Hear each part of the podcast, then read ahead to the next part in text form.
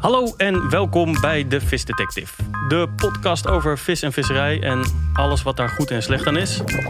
Ik ben uh, Jan Olanjouw, ik ben voedseljournalist. En daar zit niet Barbara Cerulis, mijn vaste co-host. Uh, want vandaag is een speciale aflevering. Normaal bespreken we één soort aan onderwaterdieren of planten die mensen graag eten. En dan diepen we die soort helemaal uit. Maar vandaag gaan we het hebben over een film.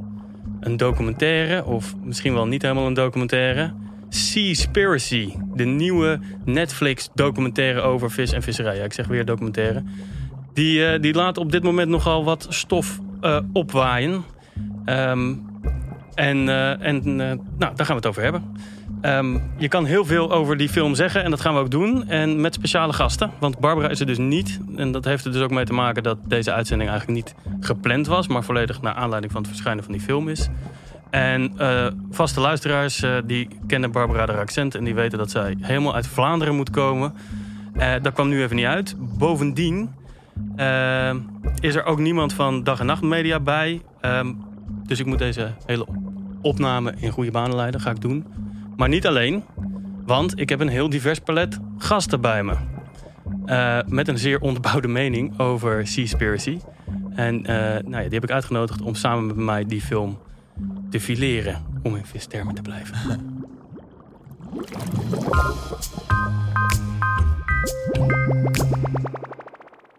Hier in de studio zitten naast mij Hendrik Kramer. Hallo.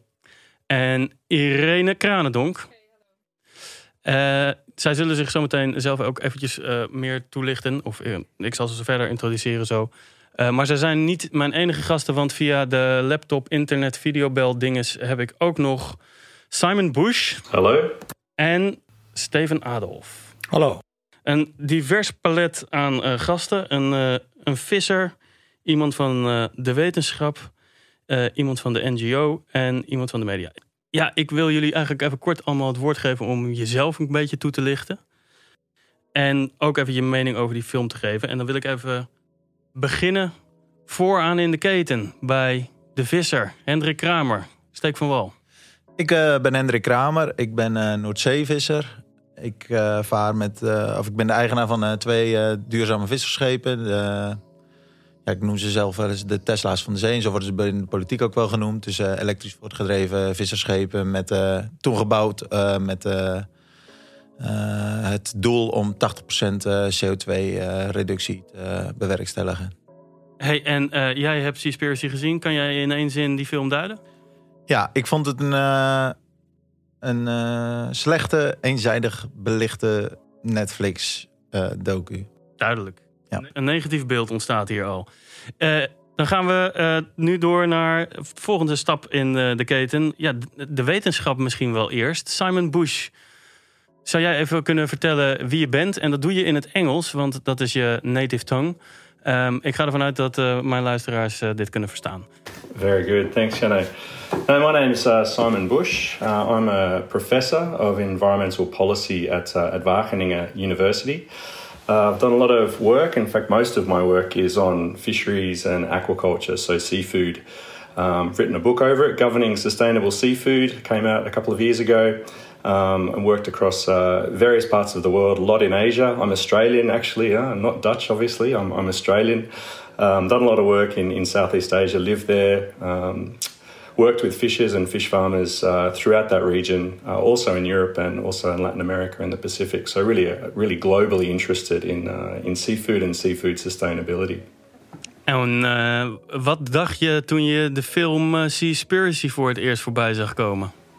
Yeah, it's a good question, Jano. I was at first I thought, well, this this is a film which might actually raise some of the issues that that scientists uh, are really fundamentally uh, interested in, right? And if you're interested in sustainability, then uh, then then surely this film would present these issues in a in a, in a balanced way. But of course, once you see the film. Uh, as a scientist, uh, you know it's it's it's it's really disappointing to see how science, in fact, is well selectively used. Let's put it that way. High, very selectively used uh, to really give a, a misleading uh, understanding of the current status uh, and, and the current concerns and the and the magnitude of those concerns uh, around the world. So it was uh, disappointing to say the least. Dus eerst goede hoop en toen teleurgesteld. Yeah, Ja. absolutely. We gaan, eh, we gaan zo meteen nog in op eh, wat er dan wetenschappelijk allemaal eh, mis mee was. Maar eerst wil ik eventjes naar ja, Irene Kranendonk van Good Fish Foundation. Een NGO. Nou, die krijgen er ook van langs in eh Seaspiracy. Ja, zeker. Mijn naam is Renne Kranendonk. Ik ben marinebioloog en ik werk bij Goodfish. Eh, wij maken de viswijzer waarmee we consumenten adviseren over welke vis duurzaam is en welke niet. Ehm, en wij krijgen inderdaad heel veel vragen over Seaspiracy van bezorgde consumenten over of ze nog wel vis kunnen eten en welke vis dan duurzaam is eh, en welke niet. En wat, eh, wat vond jij zelf van de film Seaspiracy when je, toen je hem zag? Ehm, ja, eigenlijk ehm, teleurgesteld.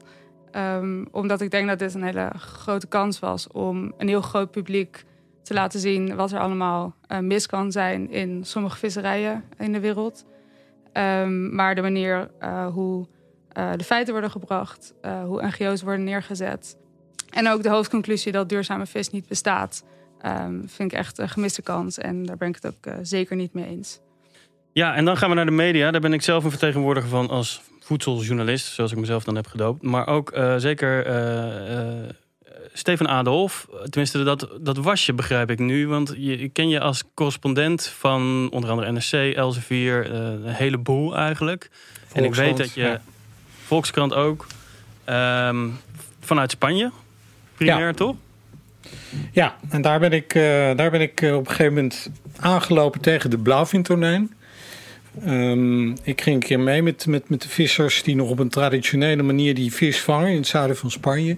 En daar raakte ik zo bevlogen van dat het een deel van mijn, eh, van mijn werk en mijn, mijn onderzoeksgebied is geworden. Ik heb inmiddels twee boeken geschreven over, over tonijn, waarin de blauwvintonijn een heel grote rol speelt. Eh, net zoals trouwens in Seaspiracy, daar speelt hij ook eh, een grote rol een van de vissen die, eh, die ernstig, ja, waar de hoeveelheid ernstiger is van aangetast door de, de overbevissing. En ehm, ja, dat is de reden waarom ik een beetje in, in deze hele wereld van duurzame visvangst me beweeg en eh, met veel plezier terechtgekomen. Je, je zei het al, blauwvintonijn. Nou, dat, dat staat bij de meeste consumenten misschien wel bekend als een soort van de panda van de zee of de tijger van de zee. En, en ja, een, een vis met eh, een zekere smoel. Eh, hè, hij is aantrekkelijk, maar hij is ook eh, zeer zeldzaam. En eh, dat, dat, nou, de meeste mensen zijn toch wel echt opgehouden met het eten van blauwvintonijn. Ja. Ehm, ten eerste, eh, is dat, dat was wel terecht, toch? Ja, dat was het tien jaar geleden, maar dat is het nu niet meer. Eh, wat er namelijk gebeurd is, is iets eh, toch vrij spectaculairs. Eh, tien jaar geleden was het inderdaad zo dat de blauwvintonijn in de Atlantische Oceaan op het randje van verdwijnen stond. En er, er is toen een enorme actie ondernomen door ontzettend veel NGO's, maar ook door de beheersorganisatie die de Atlantische Oceaan onder zijn beheer heeft. Er zijn een aantal maatregelen genomen. En dat, dat heeft eigenlijk verrassend goed gewerkt. Er zijn een aantal redenen voor, maar het beheer van die ehm blauwvintonijn heeft daar zeker aan bijgedragen. En we kunnen nu tien jaar later stellen dat je inderdaad weer ehm blauwvintonijn kan eten met een gerust hart. Althans, als die uit dat gebied komt. En eh, wat je nu ziet, dat is een van de vele punten eh, waarom Seaspiracy zo'n zo'n vreselijk slechte film is. Dat wordt helemaal niet genoemd.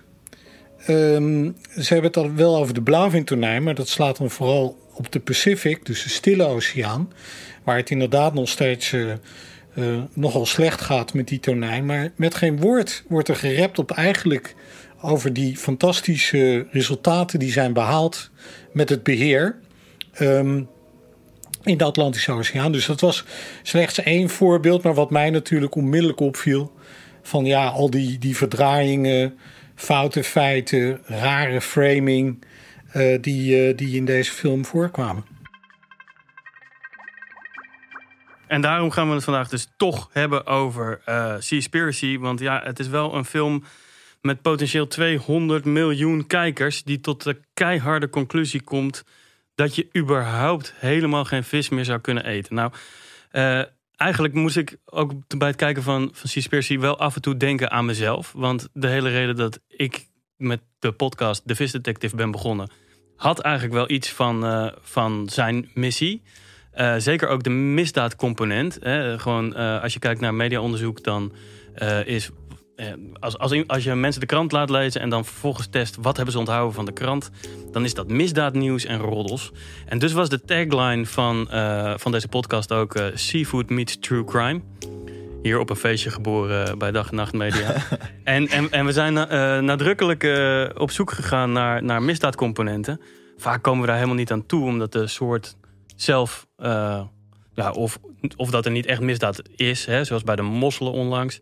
Um, of dat, dat de soort zelf zo interessant is dat we daar eigenlijk alleen al mee bezig zijn. Maar um, ja, goed, illegale vangst, slavenhandel, dat zijn natuurlijk wel zaken die gebeuren en die zeker in Seaspiracy aan het licht komen.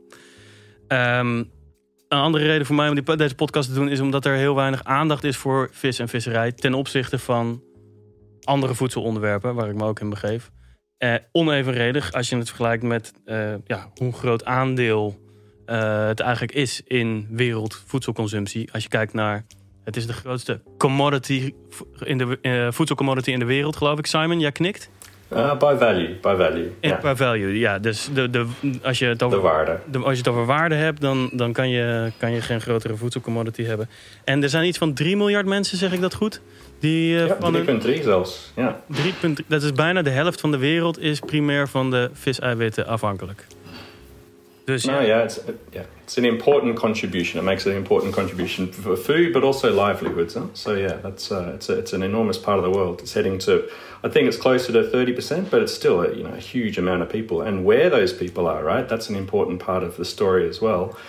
It's not just. Uh, you know, it's not just us in Europe, let's say. Huh? It's not those in the US or Australia where I come from, and we're really talking about people who are are indeed dependent. Huh? That, that fish make up a really important part of uh, part of their diets. I mean, in some parts of the world, in Asia, right? I mean, in, in various Asian languages, you know, the statement "if you've got fish, you've got rice, then you can live." Right? It's part of the culture. It's not one di- one one meal a day. It's three meals a day, and it's fundamental from the source to the meat in the dish. It's it's fundamental, and especially if we're talking about uh, women and children as well, right? We talk about the first thousand days uh, the pregnancy and the first thousand days of, uh, of a child's life. Uh, and and for, for many of those children around the world, fish play an enormous, uh, enormously important role uh, for cognitive development, for their diet, for their nutritional security. So it's fundamental, fundamental. Dus als je dat eventjes als uitgangspunt neemt, dan weet je gewoon dat de uitspraak laten we met z'n allen stoppen met vis eten. Ja, dat is ongeveer hetzelfde als dat je kan zeggen van laten we op Mars gaan wonen of uh, helemaal geen CO2 meer uitstoten? Well, yeah, the CO2 uitstoten. I think we have more chance of stopping with CO2 uitstoten than we do with uh, with stopping eating fish in some respects.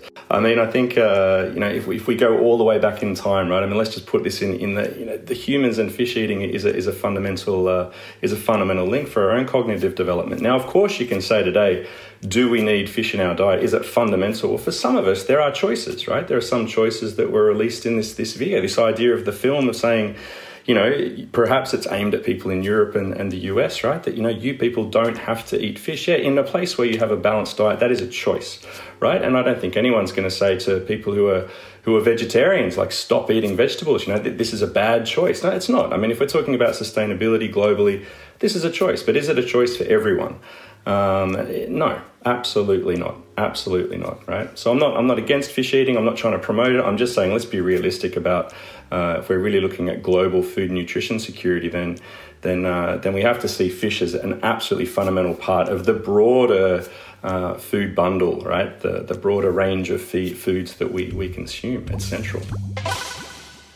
Ja, eventjes over uh, het misbruiken van wetenschappelijke literatuur. Heb je een opsomming voor ons uh, van je, nou ja, de dingen die je niet goed vond gaan, uh, Simon? Right. So what they've done is they've picked out scientific papers, and that's that's the frustration of the scientist, right? Anyone can draw a line between different papers that are published over time. And, and, and make them fit your argument. But if you're if you're not understanding, or if you're not giving attention, or if you're not uh, you know placing those papers and the messages within those papers in the broader academic scientific debate, uh, then you'll miss where that debate's gone over time. Um, and you can take those those figures out of context and use them for your own purposes, and that's what we unfortunately see in this film. So, you know, to list a few of the major headlines, I think, right. So the first one, Yano, you've already mentioned that the you know fish stocks are going to collapse by 2048. This was a wasn't even the main goal of the paper. In fact, huh? it was a paper published in 2006, which was looking at uh, biodiversity and the impacts of of various activities, including fishing over biodiversity in the seas. Uh, and there was one sentence in there which, uh, based on an extrapolation, they said, well, if we have, and I won't get into the detail, right, but it's an extrapolation of if we continue fishing and if the oceans continue the way they are based on their assumptions, then uh, it's possible that in 2048 we'll see a complete collapse of biodiversity and biomass in the oceans. Now, almost immediately, this caused, of course, uh, a lot of uh, attention, right? It got a lot of attention. The media jumped on that one sentence. It became a news story. Uh, and it also became a very public scientific debate, in fact. So there were some pretty prominent scientists in the United States who uh, really came out and said, like, this is, a, this is, this is incorrect. Um, this, the scientific basis for making this extrapolation uh, projecting this uh, this this uh, this number into the future is is really uh, is really not correct. Uh, and in fact, those authors came together a few years later and actually published a paper where they've demonstrated that a number of fish stocks around the world, if managed, right, and if well managed, are actually increasing. The stock size is actually increasing. And there's been a number of papers since, really. We're in 2021. There's a lot of papers that say that, that that's the case. Now, does that mean that all fisheries are increasing? No, absolutely not. There are, there's, there's a huge geographic variation. There are some stocks which are, of, of course, collapsed and very, very you know, dramatically collapsed. If we go back to the sort of cod collapses uh, of, uh, of the North Atlantic, uh, you know, almost two decades, three decades ago, right? these are iconic collapses, and we had to learn, we have learned, I think, a lot of lessons from that. Uh, is there overfishing continuing in some fish stocks around the world? Yes. But to say that all fish are going to collapse by 2048 has, has just shown that that's, uh, it's been shown that that's just not correct. So that's only one point, and I can keep going, you know. Would you like me to? Uh, misschien niet helemaal tot in detail uitpluizen waarom, waarom okay. uh, verkeerd zijn, maar gewoon uh, ja, als je er nog een paar kan noemen. Want, yeah. Let me run through them. All right. Well, let me run through them. Indeed. So fish stocks not going to collapse by 2048. I mean, I think that that's we've already talked about. there was another one I thought was an interesting one, and I think it was a third of fish entering the United States, and I think by extension they then mean all all import markets around the world, including the Netherlands, are illegal. well, that's again also based on a paper published, I think, in 2009 um, which has also been shown to be an, an over exaggeration, let's say. Huh? And that's part of the scientific process, right? That you make some statements, you test it out with your colleagues, and then someone goes and tests that again. And indeed, it's been shown to be closer to 10%. Does that, is that an issue? Absolutely, that's an issue. That's something we need to address. And governments around the world, including the European Union, the United States, Japan, even Japan, um, have taken enormous steps to create greater traceability and catch documentation. Um, what else are we talking about? Well, sustainability i think irene already touched on that huh? sustainability eh, there's no such thing right we can't measure sustainability no one knows what it is i mean that's where do you start there right i mean fishery scientists that's that defines their job right there's a whole bunch of scientists around the world which spend their lives defining uh, for fisheries, you know, what are the mechanisms, what are the measures by which we can determine if a fishery is sustainable? Maximum sustainable yield is but one of those measures. Uh, likewise, for, for aquaculture, there's a lot of debate over what constitutes sustainable aquaculture, but there are many, many different ways to measure sustainability. To say there's none is just, uh, is just not true. Um, seafood is full of pollutants. Well, some fish around the world have a higher concentration of some pollutants. That can be in the oceans, it can also be in aquaculture. The use of antibiotics was raised also in the film. Yes, that is a concern, it's an ongoing concern. Uh, but seafood is one of the most regulated, especially export markets. Huh? It's one of the most regulated uh, fish or food commodities around the world. To say that there is no pollutants in fish is also incorrect. There are, and they get picked up uh, in, in, in, our, in our testing by, you know, the, again, the EU, the Netherlands, the US. But to make a blanket statement that they're simply full of, uh, full of pollutants is incorrect. And uh, you know, I think you, we, we said at the start, you know, fish is part of a sustainable diet diet. It is part of a healthy diet. Um, and that was just completely brushed over. And maybe the last point I'll add, and uh, you know, it's it's more around the NGO world, huh? but another major point, and again, I could keep going, but another major point was uh, the role of the Marine Stewardship Council. I have to add here, you know, I've, I've been rather critical in my own academic work over the, the role of the Marine Stewardship Council. I, I, I pick on them when I think they haven't done a good job, where they're getting things wrong, but I'll also give them credit for where, you know, where I think they are making a contribution. Um, I think the important message there is that you know not all certification schemes are the same. There is difference, right? So there's been a lot of uh, discussion around uh, dolphin friendly tuna, for example. Um, Stephen can go on more about that. I think uh, endless, endless endlessly indeed. So there's you know there's a lot of difference in, in some of those some of those schemes. But the marine stewardship council um, you know as a consumer tool has made a big impact. I think it, it, it provides a means by which consumers can uh, can make a choice. And maybe just on the scientific side of things there i mean the film picked out some examples of an iceland fishery where there was uh, some unsustainable practices. Well if you really look into the details that fishery was suspended from the program because the MSC and the, the cert and you know the people who are assessing those fisheries against the MSC standard have had seen that and had recognised that that's an issue, and that fishery was suspended from the program. Does it work? Um, it works in that sense. And the other big lie there was that the MSC receives money from the fisheries. That's just not true. That's just not true. They're a standard holder, and we have auditors, conformity assessment bodies, auditors, which go around, and they're the ones that assess the performance of fisheries uh, against uh, against the MSC standard. Let me leave it there. Ja, dank, duidelijk. I agree. Eventjes naar jou, Hendrik. Jij wil de duurzaamste visser van Nederland worden. Uh, nou ja, dan kijk je naar zo'n film en dan moet iedereen stoppen met, uh, met, vis eten. Maar hoe, hoe was je eigenlijk van plan om, om de duurzaamste visser van Nederland te worden? Want je had het net over uitstoot, maar ja, uh, dit gaat, de Seaspiracy gaat eigenlijk nog meer over het leegvissen en het vernietigen van ja, al het leven in de oceaan. Ja, inderdaad daar gaat de, de, film inderdaad over. En hoe wil ik uh, duurzaam uh, visser worden en blijven? ja, er was natuurlijk genoeg mis in de visserij. En inderdaad door, door regelgeving en door, door goed beheer. nou, MSY is net al genoemd. Maximum Sustainable Maximum Yield. Sustainable Yield. Misschien kan jij dat even uitleggen wat dat is in soort van lekentaal. Ja, uh, je kijkt dus naar de, uh, naar de zee als, uh, als een, een bedrag wat je bijvoorbeeld op de bank hebt staan. En ieder jaar komt daar iets bij. Dus aan rente, zo gezegd. Door, door aanwas, inderdaad. Ja. En wanneer je dat goed monitort en vervolgens alleen minder dan die rente wegvist, dan blijft een bestand op peil. Dus ja. zo wordt er in, nou, volgens mij in heel West-Europa gevist. Ehm, en dat maakt ook economisch gezien heel, gezien heel veel sens. In goed Nederlands, want dat betekent dat je volgend jaar weer kan gaan. Precies, dus eigenlijk degene die daar het meest belang bij heeft, is de visser zelf. Ja. En dat is, nou ja, dat is waar wij ons bedrijf op toegerust hebben. En dat is eigenlijk ja, de slogan. De, de, dat is eigenlijk het doel van de, van de onderneming. Met een zo klein mogelijke footprint toch vis te vangen. Dus dat we deel zijn van de natuur en niet nou, eigenlijk moet de natuur zo min mogelijk last van ons hebben. Ja. En hoe, hoe doe je dat concreet, zeg maar, als je het even vergelijkt met uh, de slechte jaren? Dat zijn geloof ik jaren 70, 80, met name 80. Daar ging het echt mis, ook met de Nederlandse visserij.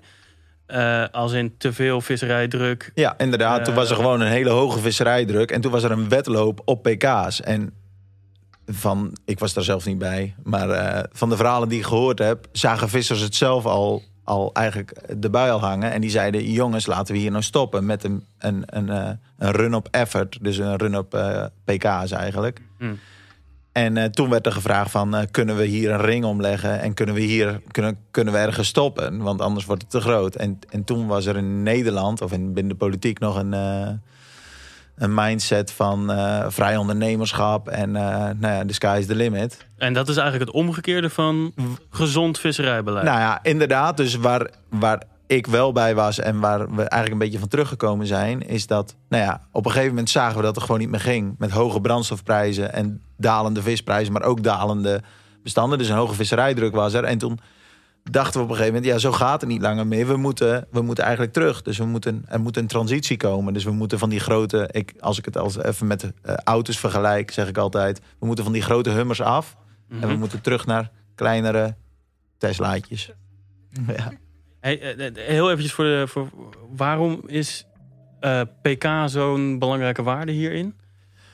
Nou ja, omdat uiteindelijk dat eh, eh, bepaalt hoe groot, eh, wat jouw footprint is. Dus hoeveel visserijdruk je kan uitvoeren. Dus, Dus letterlijk hoeveel grote netten er achteraan. nou ja, eigenlijk dat. Oh, En zwaar en, en bodemimpact. Eh, de, ik denk dat eh, iedere visser inmiddels zal onderschrijven dat dat komt door samenwerking en goed beheer met de NGO's en eh, eh, overheid. Ja, ik denk dat ook het visserijbeleid in eh, Europa en vooral ook de Noordzee eh, daar echt heel veel invloed heeft gehad. Het instellen van de quota's.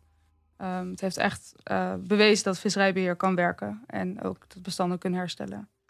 Ja, want dat was een van jouw eh, grote grieven, bruggetje naar Irene. Ja, Eh, sustainable seafood does exist. Eh, Ja. eh, duurzaam eh, eten uit de zee kan wel degelijk. Mhm. En dus is die hele claim waar, waar de film eigenlijk de hele, nou ja, feiten met voeten tredend de hele film naartoe werkt, is er is geen manier om, om duurzaam vis te eten en, en dus stoppen we er maar allemaal mee. Maar jij zegt dat is onzin. ja dat is niet waar. Ehm, duurzame vis bestaat zeker. Ehm, er is een eh, fragment in, het, in, het, ehm, in de film waarin ook eh, eh, Maria José Corinax van Oceana aangeeft dat er geen één definitie is van duurzame visserij. Ehm, en vervolgens concludeert de filmmaker dat er dus geen definitie is. Dat, want heel eventjes die Maria José Cornach, Cornach, Cornach, Cornach, denk ik. Cornax. Dat is, ja, zij is directeur van Oceana, of in ieder geval belangrijk daar. Eh, nee, zij ehm, heeft eh 13 jaar bij Oceana gewerkt. Eh, nu niet meer, maar in tijden van de, toen de film gemaakt werd wel. En zij is expert op illegale visserij. En ook visserijbeleid.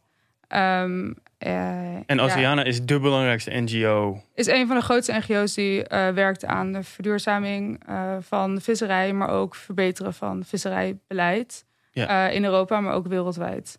Ehm, en wat ik vooral zo ja, vervelend vond of tenenkrommend vond aan dan dat fragment was ehm deze definitie over duurzame vis, Ehm, maar ook eh, de manier waarop zij eh, en ook andere NGO's eigenlijk worden neergezet eh, gedurende de hele film.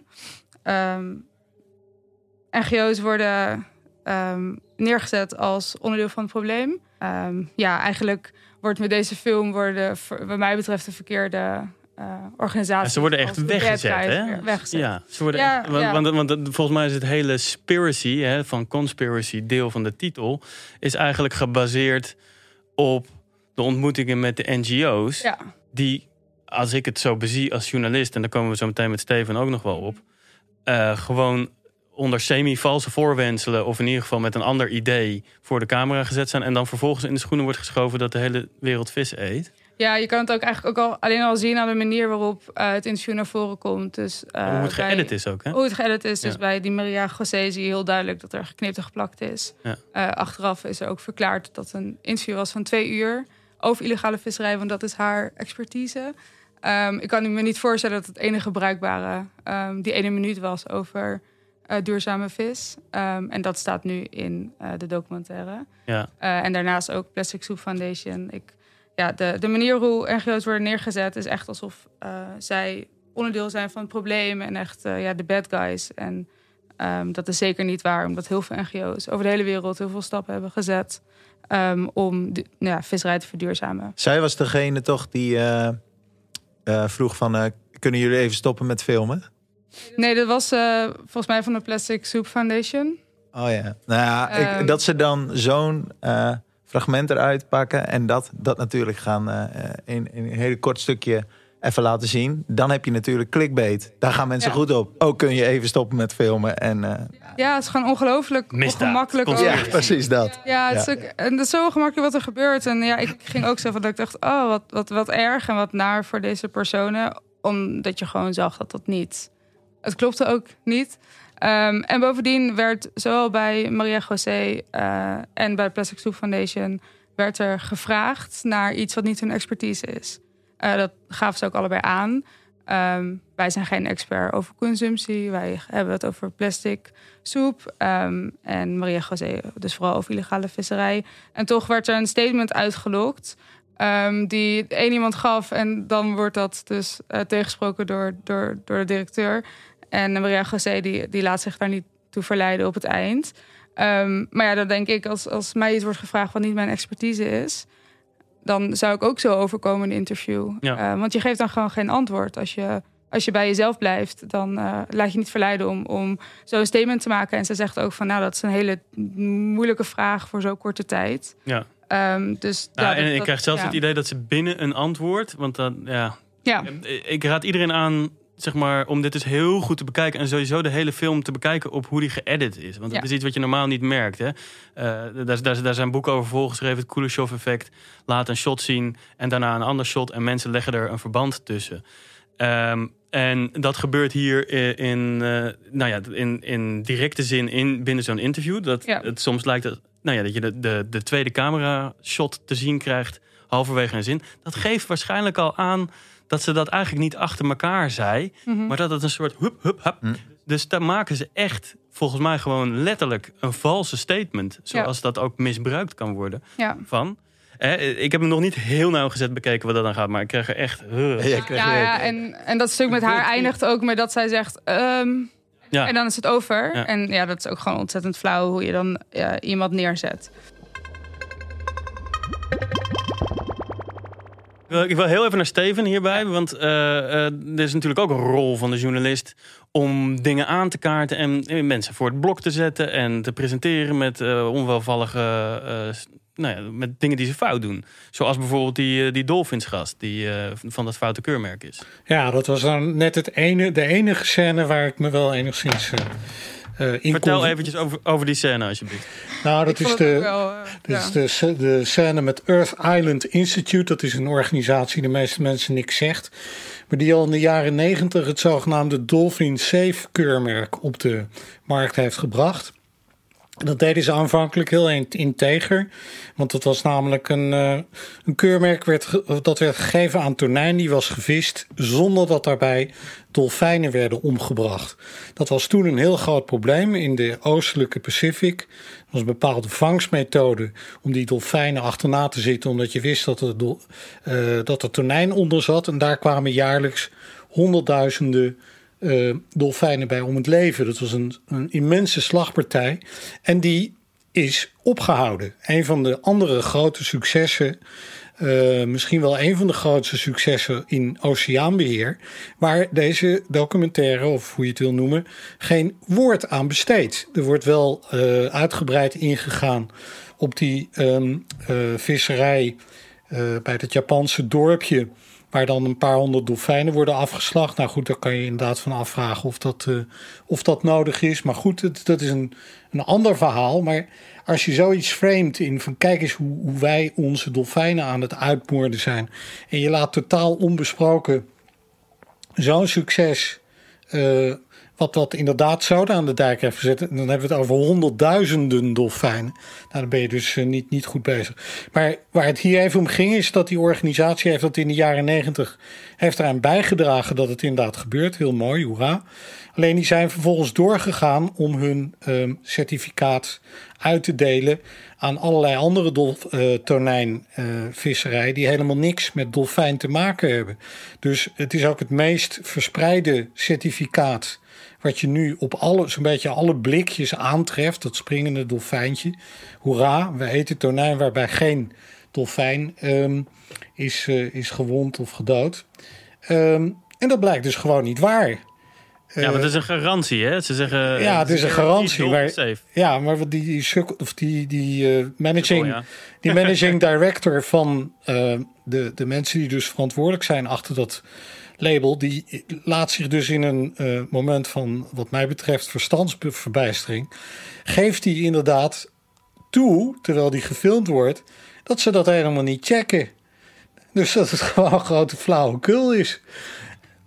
Nou, zijn, zijn, is dit niet de eerste keer dat ze daarvan beschuldigd worden. Er zijn al studies verschenen, onder andere van Simon. Ehm, er zijn, in mijn boek komt het uitgebreid aan de orde. Waarin ik deze ja, schandalige manier van certificatie, die uh, ja, eigenlijk de hele, het hele vertrouwen in certificaten ook onderuit haalt. En het gaat maar door, er wordt maar geen einde aangemaakt. Dat is niet, niet nieuw, dit probleem. Uh, uh, op dit moment is er een grote rechtszaak in Amerika gaande. om te kijken of hier een einde aan gemaakt kan worden. Maar goed, daar zie je inderdaad dat die kerel dat, dat, dat toegeeft. Maar het is een van de uitzonderingen. Je ziet dus verder dat um, deze uh, documentairemakers helemaal niet erop uit zijn om uh, misstanden of, of ja, echte zaken uh, te verhelderen of te ontdekken, maar bezig zijn om iets te framen in een conclusie die ze eigenlijk al van tevoren getrokken hebben. En dat doen ze op zo'n systematische manier dat ik denk dat het gerechtvaardigd is om te zeggen dat dit als journalistiek product totaal onwaardig is. Als ik zoiets zou schrijven uh, in de krant of in een artikel of in een boek, wat zij hier presenteren aan de lopende band. Dat is niet één uitzondering, het is een opeenstapeling van foute feiten, geframed feiten, mensen die, die uh, onjuist te woord worden gestaan. Nou, ten eerste zou mijn krant uh, waarschijnlijk een pagina nodig hebben om alle rectificaties te plaatsen. Maar het zou ook niet uitgesloten zijn dat, uh, ja, dat ze te maken zouden krijgen uh, met, met schadeclaims. En wat je dus hier ziet gebeuren, naar mijn idee, is ja, uh, Netflix is een relatieve uh, ja, een nieuwe speler op de markt van, van media. Zij produceren dit product. Ik weet niet wie er verder aan heeft gefinancierd, hoewel ik daar wel wat vermoedens bij heb. maar in ieder geval. Um, zij zijn verantwoordelijk voor de inhoud van dit product. Ja. En dat ja. deugt niet. Volgens mij is de film geproduceerd, of dat weet ik wel zeker, door Kip Anderson. En dat is een, uh, een interessante figuur ook in uh, voedseljournalistiek land. Want hij heeft eerder natuurlijk Cowspiracy gemaakt. Ook een film die echt bol stond van uh, gewoon foute, ja, foute literatuurverwijzingen, foute conclusies, foute manier. Heel hetzelfde model. Sensationeel, niet kloppend en allemaal toewerkend naar een conclusie die is co-vegan.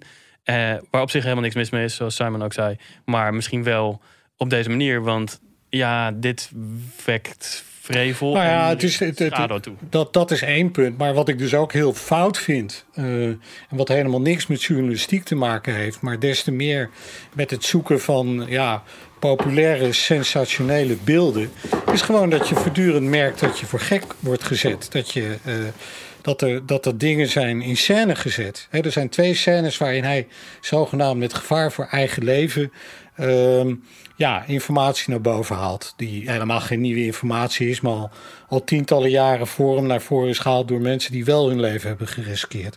dat is eenmaal is dat bij dat, dat verhaal van Japan. Wat al tien jaar geleden in de overigens even slechte documentaire De Koof uh, naar voren is gebracht.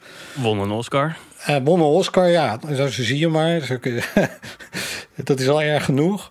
En de tweede scène is daar in Thailand, waar ze dus bezig zijn om uh, achter die, uh, ja, die mensen die uh, min of meer in slavernij zijn gehouden op boten te interviewen. Um, nou, je dan ziet, moeten ze opeens weg, want de politie. Dan moeten ze opeens weg en je hoort een sirene erachter. Ja, kom zeg. Dit is, dit is zo'n flauwe kul. Dit is gewoon in scène gezet. En dat, dat, dat, dat, dat kan je ieder, iedere ervaren journalist weet dat, je, dat, dat, dat dit gewoon niet deugt. En ik vind het ook moreel niet deugen, want je hebt mensen zoals uh, van, uh, van de EGF, een van de andere um, NGO's die aan het woord wordt gelaten. Steve Trent, die wordt inderdaad min meer fatsoenlijk eh, te woord gestaan. Maar vooral toch om te zeggen dat het zo gevaarlijk is. Steve Trent heeft wel, en, en zijn mensen hebben wel met gevaar voor eigen leven dit soort dingen naar boven gehaald. En hebben, hebben daar nooit uh, ook maar een moment zichzelf voor de op de borst geklopt. En dan zie je zo'n figuur langskomen en die maakt er zo'n scène van. Nou, ik vind het. Uh, Jij bent echt kwaad, hè? Ja, ik ben echt kwaad. Want het, het, het vervelende van dit soort documentaires is, is je kan zeggen van nou ja, het is goed, want um, op zijn minst uh, vestigt het de aandacht op het probleem, dus dat is nooit slecht. Maar het, het gebeurt op zo'n foute en, en, en, en misvormde manier. Dat, dat je al vroeg of later gaat dat tegen je keren. Het is als het ware het populisme doorgevoerd in de journalistiek. Het gaat niet meer om waarheden. Het gaat niet meer om iets naar boven halen om helder te maken hoe iets in elkaar zit. Nee, het gaat om een, om een leuke, snelle, vlotte verpakking. En vervolgens kom je daar met een bepaalde, ja, uh, lekker uh, gebekte conclusie uit. En, en klaar is Kees. En onderweg ga je nog wat andere mensen onder de bus. die wel daadwerkelijk bezig zijn geweest om, om daar iets in te veranderen. Ja, sorry, dit, dit, is, dit heeft niets met journalistiek te maken. Niets. I think maybe just to add to that too, Stephen. I mean, I, I think it's it is a phenomena that we're looking at with uh, also with with with uh, with Netflix, right? I mean, it's a global platform. That's a big difference this this this time round, as it were, right? I mean, you've seen films in the past and you know the end of the line, and you know some films which really I think interviewed the right people and came up with you know still a critical, but I you know more balanced certainly than this film. Uh, but this wasn't put on a platform which within a week is traveled the entire globe, right? And that's also uh, a new phenomenon, an absolutely new phenomenon. Ja, en daarom zie ik, zie ik eigenlijk uh, wel hetzelfde met wat Steven net zei. Uh, de feitelijke onwaarheden op zo'n groot platform. Uh, bij, op, bij Instagram wordt bij wordt er nu, uh, als het dan een COVID gaat, wordt erbij gezet: hey, check, check dit even bij RIVM, want uh, ja, daar, daar klopt het wel. En ja. en ja, ik zou bijna zeggen: moet dat, moet dat nu bij een Netflix-docu uh, soms ook? Of docu, een Netflix-show? Ja. Een disclaimer komen van pas op foute informatie. Ja, zoiets. Ja. Nou ja, het, het is natuurlijk heel, heel, heel ernstig dat dit niet gebeurt. Ik bedoel, Netflix geeft geen rectificatie van uh, feitelijke onjuistheden waar deze, deze film werkelijk bijna van omver tuimelt. Het, het, het, uh, dat is een zeer ernstige zaak. Yeah, no, I think maybe maybe just uh, yeah, just one thing to also reflect on in a, in a in a in a well, let's say a positive positive way slightly. Huh? I mean, in terms of the response, huh? I mean, I think what what triggered a lot of scientists around the world, or let's say I've never seen such a response by scientists, fisheries and, and scientists, aquaculture scientists coming together. Um, there's, I've, I mean, watching social media, talking with colleagues around the world. There's lots of debate we have, right? That's our job is to debate and to be, you know, pretty hard on each other in terms of what the facts are. I've never seen the, the, the, fisheries, aquaculture, ocean people, scientists come together in such a strong single voice that this this, this, dit kan niet, in my best Dutch. dit kan absoluut niet. And, uh, you know, we've seen uh, some of the, the, biggest fishery scientists in the world. I mean, the classic sort of debate between Daniel Pauly and Ray Hilborn, yeah, for those that are perhaps know a little about fisheries. Mm-hmm. These are two, two really quite impressive characters who have been at each other's throats, really arguing and debating for years. And and now we see these guys actually agreeing on at least one thing that Seaspiracy is uh, is not something that consumers uh, should listen to or anyone should really listen to, and there's lots of problems with it. Um, and I think here in the Netherlands, you know, I think you know we, have seen a similar thing. You know, I, I think the response what drives this this response in a way is you know when you see these issues not just on Netflix but all of a sudden you see I saw an article in uh, Linda the magazine all of a sudden we see visvervangers uh, and then you see RT RTL Boulevard, and they're coming out with sort of their visvervanger verhaal. And all of a sudden, when it gets into that really mainstream media, and then then you see indeed the people around you, friends, family, my students, really saying, "Oh, I never knew." Sports stars, our footballers, celebrities, all saying, "I'm taking the pledge never to eat, never to eat, never to eat seafood." I mean, that's that's what I'm seeing. You know, these scientists coming together. So this is enough. I mean, the podcasts that we're now involved with. I mean, these are things which which have rarely happened in the past. And I'm hoping, right, that's the hope that, you know, we, we really get a proper platform for discussion and a proper platform to debate, to pinpoint, to, to work out what really the issues are. And let's have a serious discussion over sustainability in the sea, right? Let's have a serious discussion about what the issues are. What are the, the, the inequalities we see in terms of who gets to eat what fish where? They're real issues, right? Let's talk about that. Uh, but let's not listen to Seaspiracy. Ja, en in, in die zin zijn we ook heel blij met alle consumentenvragen die we krijgen. Want uh, de consumenten die die vraag stellen, uh, die hebben gekeken en die zijn kritisch genoeg om het bij ons te checken. Klopt het eigenlijk wel? Uh, dus in die zin zijn we daar heel blij mee. En ook met een podcast. En dat is ook waarom die webinar organiseren. Om toch het een en ander recht te zetten. Want als je inderdaad kijkt naar alle visserijwetenschappers, marinebiologen, mensen in de visserij zelf, alle NGO's.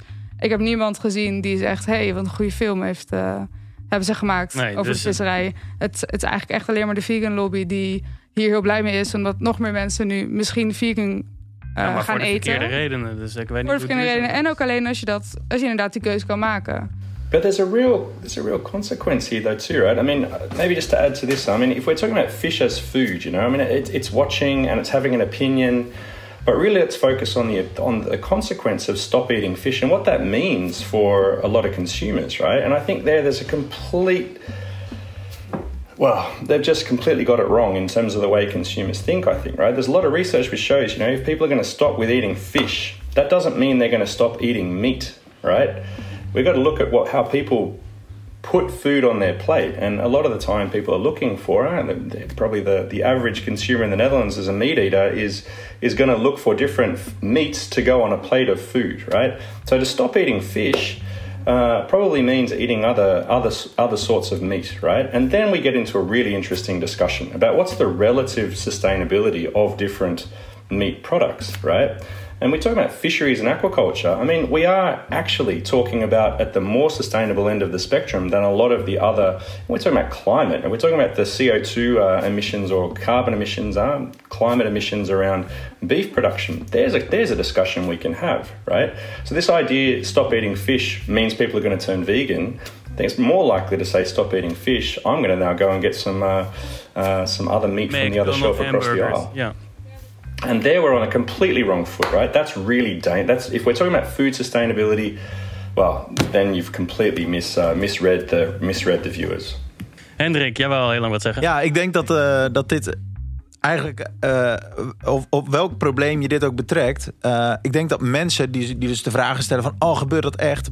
Bij, eerst bij zichzelf te raden moeten gaan. Want ik denk dat daar uiteindelijk het probleem zit. Want eh, het probleem vormt zich bij degene die dat eet. Dus, dus stel jij de juiste vragen en, en willen we alles maar goedkoop hebben? Of, eh, of, of, of vragen we en weten we waar ons, waar ons eten vandaan komt? En ik denk dat dat echt super belangrijk is en dat daar ook de oplossing zit. Want ik, ik, ik, hoopte dat we ergens nog een haakje of een oogje konden vinden in, deze, in, dit, eh, in deze super slechte show. Dat, dat we toch nog iets kunnen leren en iets van lering uit Toch nog een goede vis ergens te eten. Nou ja, precies. En, en ik denk dus dat het belangrijk is dat of je, of je nu wel vlees eet of geen vlees, of wel vis of, niet, of, geen, of geen vis, dat je eh, wel overwogen keuzes maakt. En eh, inderdaad, wat je al zei, dat eh, Ja. de mensen bij Good Fish komen vragen. Eigenlijk is dat natuurlijk heel positief. Want er zijn dus wel bewuste klanten en de, eh, Ja, maar goed, dat is een bewuste klein- consumenten. klein deel. Maar dat zou Dat- iedereen moeten worden. Dus Ja. iedereen die nu zegt, oh, ik heb dat gezien. eh, verschrikkelijk. En, en, en daar, daarmee is dit de oplossing. Nee, jij bent deel van. Als er een probleem is, ben jij daar deel van. Ja, en, nou, en dus ja, voor consumenten die wel zo'n wel overwogen besluit willen nemen of zo'n duurzame keuze willen maken, is dus een viswijzer gemaakt. Ehm, en ik denk ook dat het belangrijk is om nog eh, aan te geven dat als zo'n film zoals Seaspiracy aangeeft, er is geen duurzame vis. eh, duurzame vis is een leugen. Ehm, dan heb je natuurlijk ook mensen die, je hebt dus mensen die zeggen, nou, ik eet geen vis meer. Maar er zijn ook mensen die denken, oké, als, als duurzame vis niet bestaat en ik wil wel vis eten, dan maakt het dus niet meer uit of ik nou een paling eet of een haring of een mossel. Ja. En dat vind ik ook kwalijk, want er is zeker onderscheid eh, tussen vissoorten. Dus Eh, sommige zijn echt duurzamer dan andere en sommige zijn ook gewoon echt hartstikke duurzaam en dan kan je gewoon eh, met een gerust hart eten. En als dat onderscheid wegvalt, dan ben je echt nog veel verder van huis. Want er zijn ook mensen die wel gewoon vis blijven eten. ik ga hem eh, afsluiten. Dankjewel Irene voor die laatste woorden. Ehm, wij kunnen hier duidelijk nog uren over doorspreken. En dat is niet overdreven. Ehm, ja, eh, kon- eh, kijk niet naar Seaspiracy of kijk hem wel, maar dan met een zeer kritische blik. Dat is denk ik eh, eh, de samenvatting van vandaag. Eh, ik wil al mijn gasten vandaag bedanken. Hendrik Kramer, visser. Irene Kranendonk van NGO eh, Good Fish Foundation. Simon Bush, professor aan Wageningen Universiteit. En Steven Adolf, onderzoeker, researcher, journalist. en ook heel boos op Seaspiracy. Ehm zeer bedankt allemaal. S- dit vergeet ik nog te zeggen. Steven Adolf zien wij volgende aflevering terug... als we uitgebreid ingaan op de blauwvintonijn. Ehm dus eh, ja, hou de podcast in de gaten. Voor nu dankjewel en tot snel.